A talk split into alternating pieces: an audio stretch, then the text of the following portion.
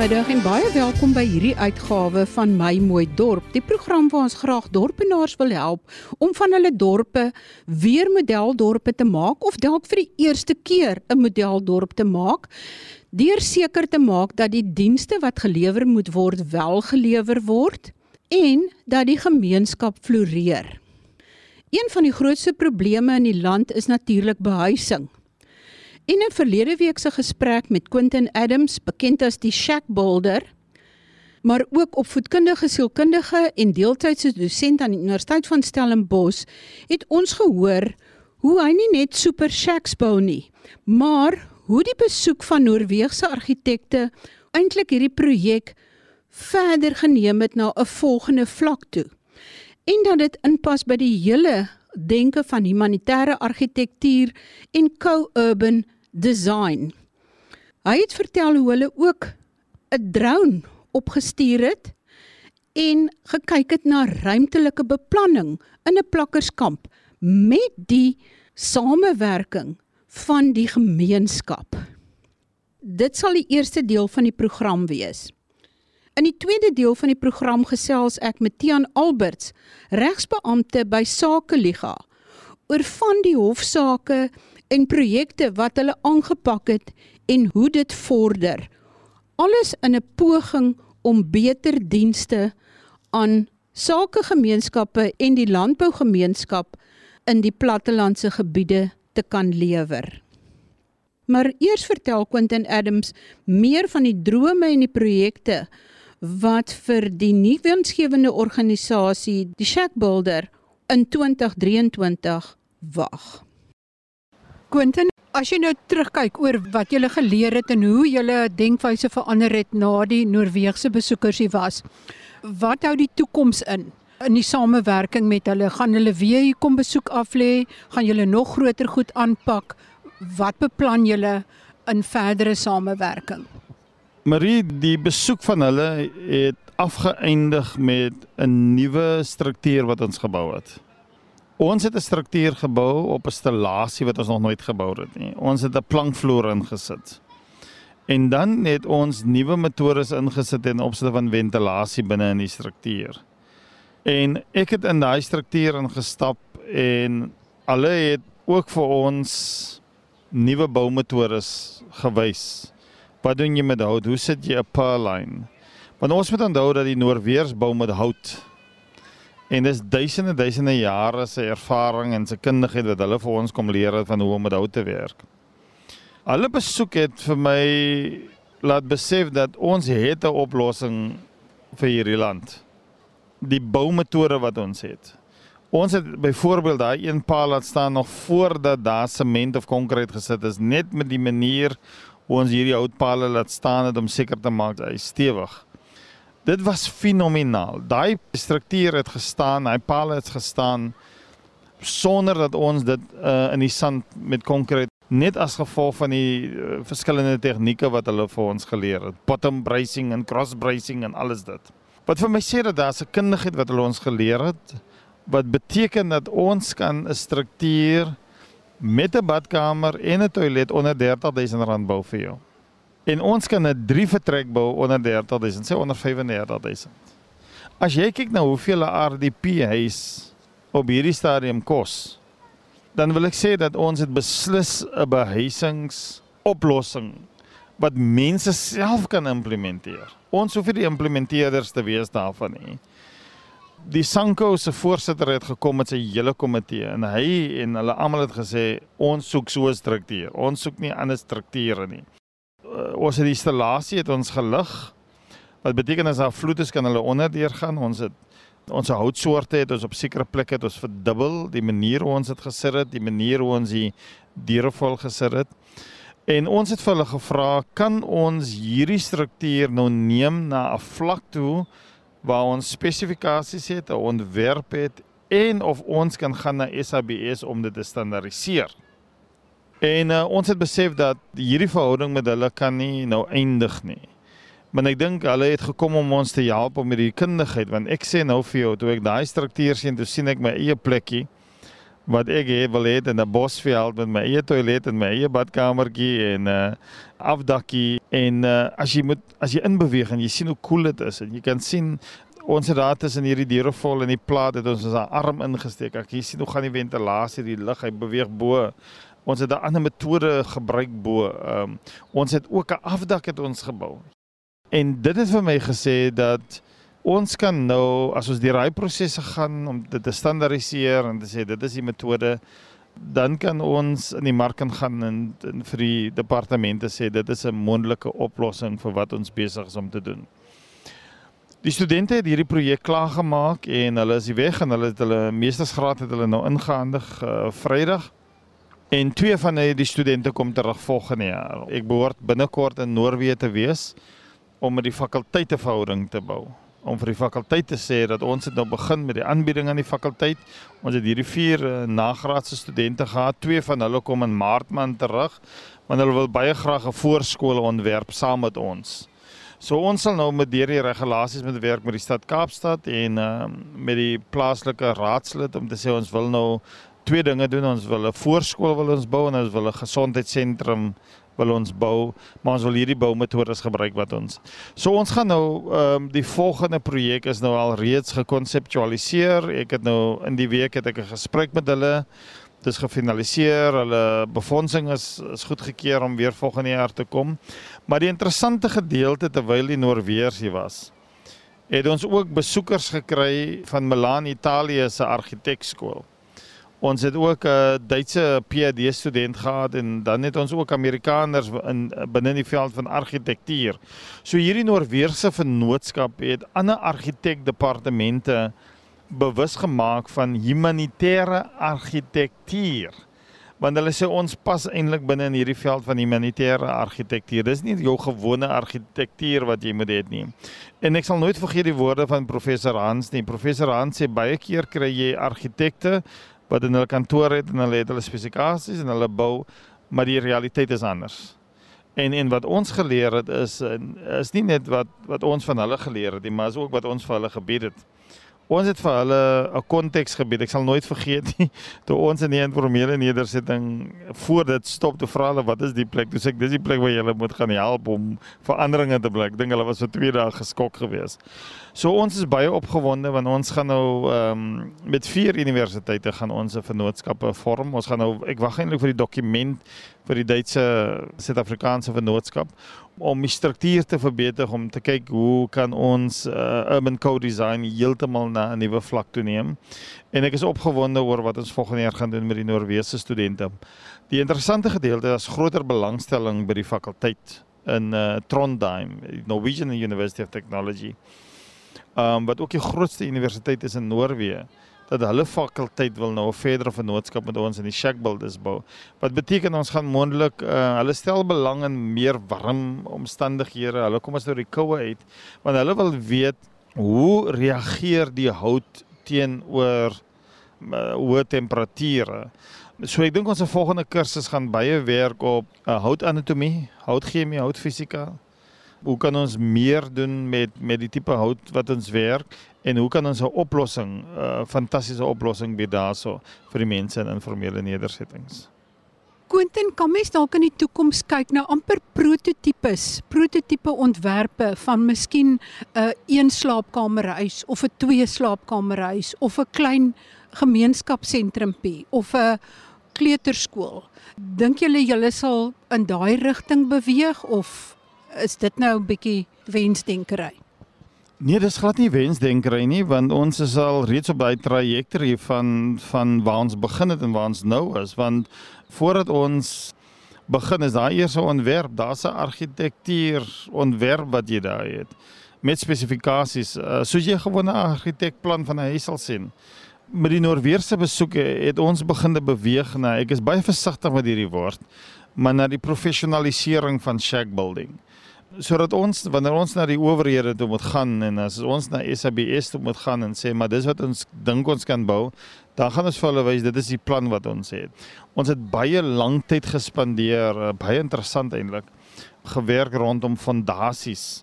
Wat is die beste manier om 'n fondasie te vorm? Uh hoe diep moet die planke wees? Uh die konkrete wat ons het, wat is die sterkte van die konkrete? So ehm um, ek sê altyd dat lyk my ons is 'n 'n konstruksie maatskappy wat 'n nuwe winsgewende organisasie. Ons is 'n NGO wat 'n konstruksie maatskappy is.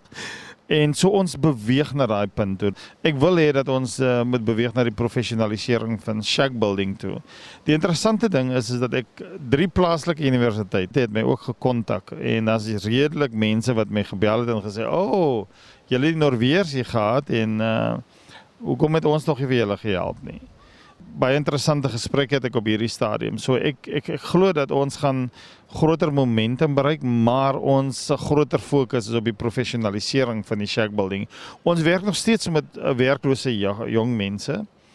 Maar ons gaan nou uh, dit 'n bietjie verander om hierdie vaardigheidsskole om hulle te betrek want dit is jong mense wat by die vaardigheidsskole is en dan het hulle nie sukkel hulle om werk te kry of om 'n volgende. Ons gaan nou ons nou al begin praat met een van die vaardigheidsskole of ons die shack building deel van hulle kurrikulum kan maak. Ons gaan hulle wys hoe om 'n shack te bou. En dit, dit is deel van die professionalisering van die shack building en ek glo dat as ons hierdie prototipes het en hierdie strukture het, dan kan ons vir jong mense sê om hulle om hulle eie oplossings te begin genereer. Ons was nou hierdie jaar was ons in Subatsfontein gewees. En daar het ons die 10 jong mense as deel van die backyard varsity opgelei. Ek sal dit nooit vergeet nie. Het hierdie jong dame vir my gesê: "Quentin, ek het nie 'n huis nie. Ek word verloof en ek was trou binnekort, maar na hierdie uh, week se opleiding het die idee begin ontstaan dat ek gaan my eie plek gaan ek bou." Quentin, hoe lyk die toekoms van hierdie super shacks wat jy bou en van die backyard varsity? Marie, ehm um, wat interessant is is toe ons begin het ehm um, in 2017 met die eerste bou van die shack het jy idee gehad jy Wie is iets in jou hand wat jy dink 'n bydrae kan lewer? Maar jy's nog nie 100% seker oor hoe dit gaan uitspeel en hoe dit gaan manifesteer en hoe dit gaan uitwerk nie. As ek kyk na wat hierdie jaar gebeur het, dan besef ek dat ons sit op 'n wenresep. Ons sit op 'n oplossing. Ons sit op 'n oplossing wat ek dink op die hoogste vlak geïmplementeer kan word. Hoe lyk die toekoms vir ons is dat ons het nou begin praat met die tegnikons en ons het nou begin praat met die vaardigheidsskole want ons het besef dat ons wil meer gespesialiseerde jong mense of mense wat al reeds spesialiseer met hout wil ons betrek om deel te word van hierdie oplossing. En dis wat my opgewonde maak want ek besef dat dit het nou die sneeubal effek wat nou besig is om plaas te vind. Is meer skole vaardigheidsskole, meer tegnikons en meer uh, internasionale instansies stel belang in wat ons besig is om om om te doen. En dit is om natuurlik verder uit te brei. Ons gaan nou in uh, nog twee provinsies gaan ons uh, werk. Ons gaan nou mense oplei nie net in shack building nie, ons gaan nou mense oplei in co-urban design. Ek sien so uit uh, na hierdie gedeelte om die drone te vat in 'n uh, in alles verlore vlakte se informele nedersetting of riem vasmaak se en dit in die lig te wys en vir die mense te wys dis waar jy bly en om hierdie vaardighede. So hierdie humanitêre argitektuur waarmee ons begin eksperimenteer het gaan nou geprofessionaliseer word. En ek is so optimisties veral toe die die SANCO South African National Civic Organisation se leierskap na ons toe gekom het en gesê kan ons 'n vennootskap met julle hê want dit wat julle hier nou gedoen het in Entebbe is dit wat ons nodig het in Kailicha. So daar is 'n verskillende platforms wat uitgebrei is in 'n baie kort tydperk. Ons het baie meer geloofwaardigheid ontwikkel by die mense. As die mense self na hierdie struktuur kyk en sê dit is wat ons nodig het en dit help ons met menswaardigheid, dan is ek opgewonde oor die toekoms van die shack building en die toekoms van die backyard varsity. Ons het so baie versoeke nog gekry oor die hele land waar mense sê hier is 'n praktiese vaardigheid wat jong mense kan leer want baie van die jong mense gaan hulle doen praktiese vaardighede maar hulle weet nie wat hulle daarmee kan maak nie. Hier kan jy nou jou eie huis kan jy nou bou. En ek wil afsluit met die volgende. Ek het 'n um, 'n versoek gekry in Mpumalanga en hierdie man het vir my gesê maar hy het nou Hy het nou 'n winkel oopgemaak in Mpumalanga en hy wonder of ons hier vir 'n winkelsentrum kan bou soos ons die Shacks bou nie. ek weet nou nog nie wat ek daarmee moet maak nie, maar hy sê hy het op die internet gegaan en toe kom hy op die shack building en toe sien hy die fotos. Hy het op my profiel gegaan, toe sien hy die boumetoors, toe sê hy hier is die mense wat 'n winkelsentrum kan bou. En dan die ander persoon het my gebel, ek dink uh iewers in die Oos-Kaap het wil ons 'n kliniek vir hulle kan bou nie. En dan die laaste persoon het vir my gesê hy wil sy kerk wil hy vergroot. Maar ek dink die bou tegniek wat ons gebruik kan maak uh of ons nie vir hom 'n 300 sitplek shack kan bou nie. So um, dit is interessant. Dit dit klink 'n bietjie vergaande, maar dit dit wys dat wat mense sien ons besig is om te doen het groot geloofwaardigheid en ek is baie opgewonde want ek dink hierdie internasionale vennootskappe gaan help met die professionalisering van uh, shack building in Suid-Afrika. Baie dankie aan Quentin Adams en ons hoop dat hierdie projekte nog veel verder kan uitbrei en dat dit werklik kan help om die behuisingsprobleme in Suid-Afrika op te los. Ek sal in die loop van die jaar verder verslag doen oor hierdie projekte want daar is groot planne in die pipeline waaroor ek nou nog nie kan gesels nie. Nou gesels ek met Tian Alberts, regsbeampte by Sakeliga. Sakeliga was hierdie jaar baie betrokke by verskeie aspekte by verskeie dorpe en streke in die land. Ek gesels vandag met Tian Alberts om te hoor hoe het hierdie jaar verloop en terug te kyk op die aspekte waarby hulle betrokke was en wat die toekoms vir 2023 inhou. Met ander woorde, watter van hierdie sake gaan voort en wat is die grootste kwessies waaraan hulle aandag moes gee? Uh, dankie Marie. Uh, Marie, ek dink um, in 'n geheelbeeld die vlak van verval wat ons vanjaar gesien het in verskeie munisipaliteite, veral in Noordwes en Limpopo, was uh, eintlik baie erger as uh, wat dit nog voorheen was en ehm um, daar's verseker 'n uh, vlak van verval wat ons gesien het vanjaar wat uh, eintlik daarop neerkom dat sommige munisipaliteite uh, hoegenaamd nie meer munisipaliteite genoem kan word nie. Daar's natuurlik 'n geleentheid in hierdie situasies. Uh, die ander kant daarvan is ons sien uh, dat gemeenskappe en sakekamers uh, skouer aan die wiel sit en en inderdaad meer betrokke raak om sekere funksies te begin oorneem uh en ook te werk saam met munisipaliteite uh waar dit nodig is en en waar dit wys is uh om dan sekere stappe te neem om ten minste kritieke dienste te herstel. So dit is die uh geheelbeeld wat ons sien. Maar die verval op munisipale vlak moet natuurlik ook gesien word in konteks van die verval op staatsvlak in die algemeen. Ek verwys nou spesifiek na na Eskom uh en waterrade waar daar uh daar's 'n wisselwerking tussen die tussen die agteruitgang op daardie front en dan natuurlik by munisipaliteite. Ek sal 'n basiese voorbeeld gee. Munisipaliteite is natuurlik nie goeie uh, skuldenaars by Eskom nie, baie munisipaliteite. Hulle betaal nie hulle rekeninge aan Eskom nie. Maar aan die ander kant sukkel Eskom ook om uh, elektrisiteitsvoorsiening te doen aan munisipaliteite.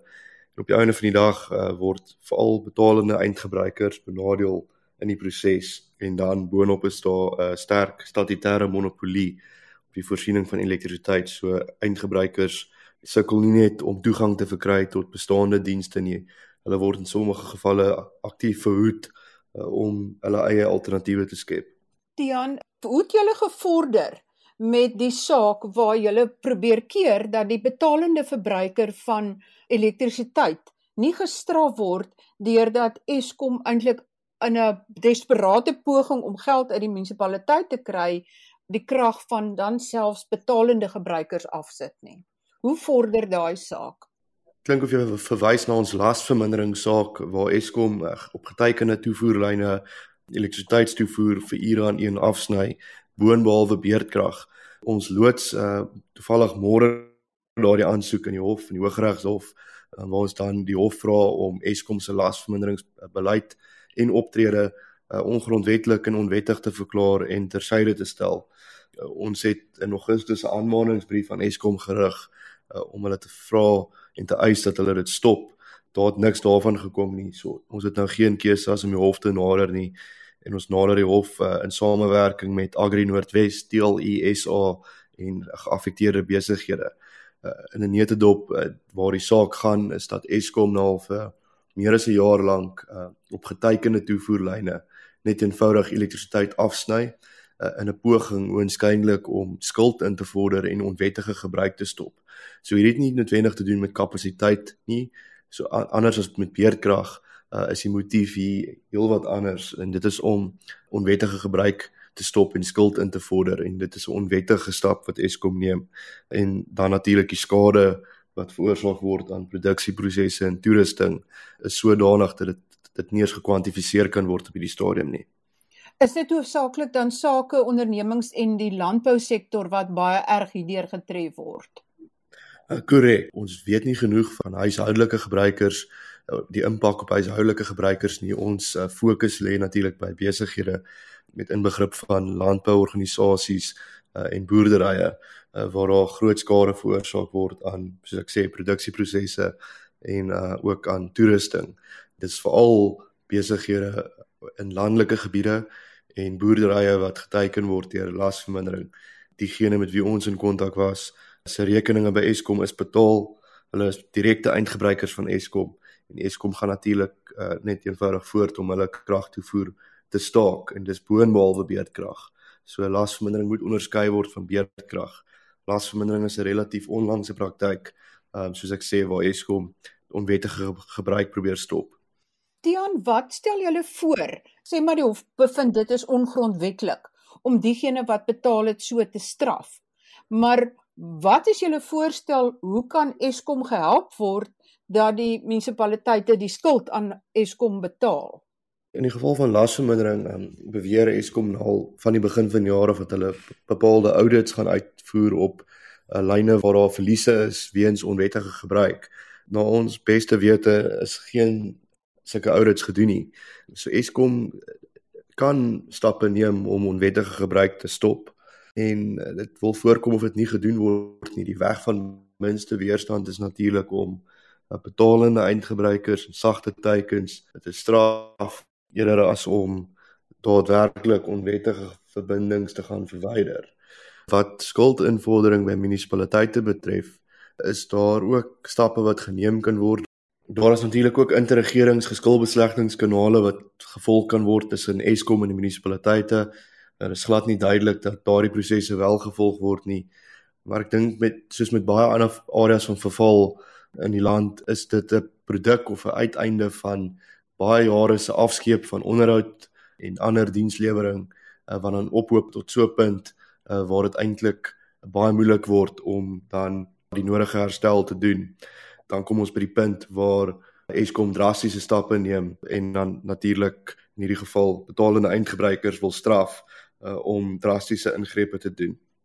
Baie dankie aan Tian Alberts vir die inligting oor Sake Liga se projekte en ek kan intussen berig dat 'n hofbevel beslis het dat Eskom nie kan voortgang met lasverminderings kragonderbrekings nie en dat dit onmiddellik gestop moet word en dit is sover kon vasstel wel dadelik deur Eskom gestop. Tot volgende week dan wanneer ek verder gesels met Tian Alberts en nog meer inligting bring oor dinge wat jou dorp kan raak. Baie groete van my, Marie Hudson.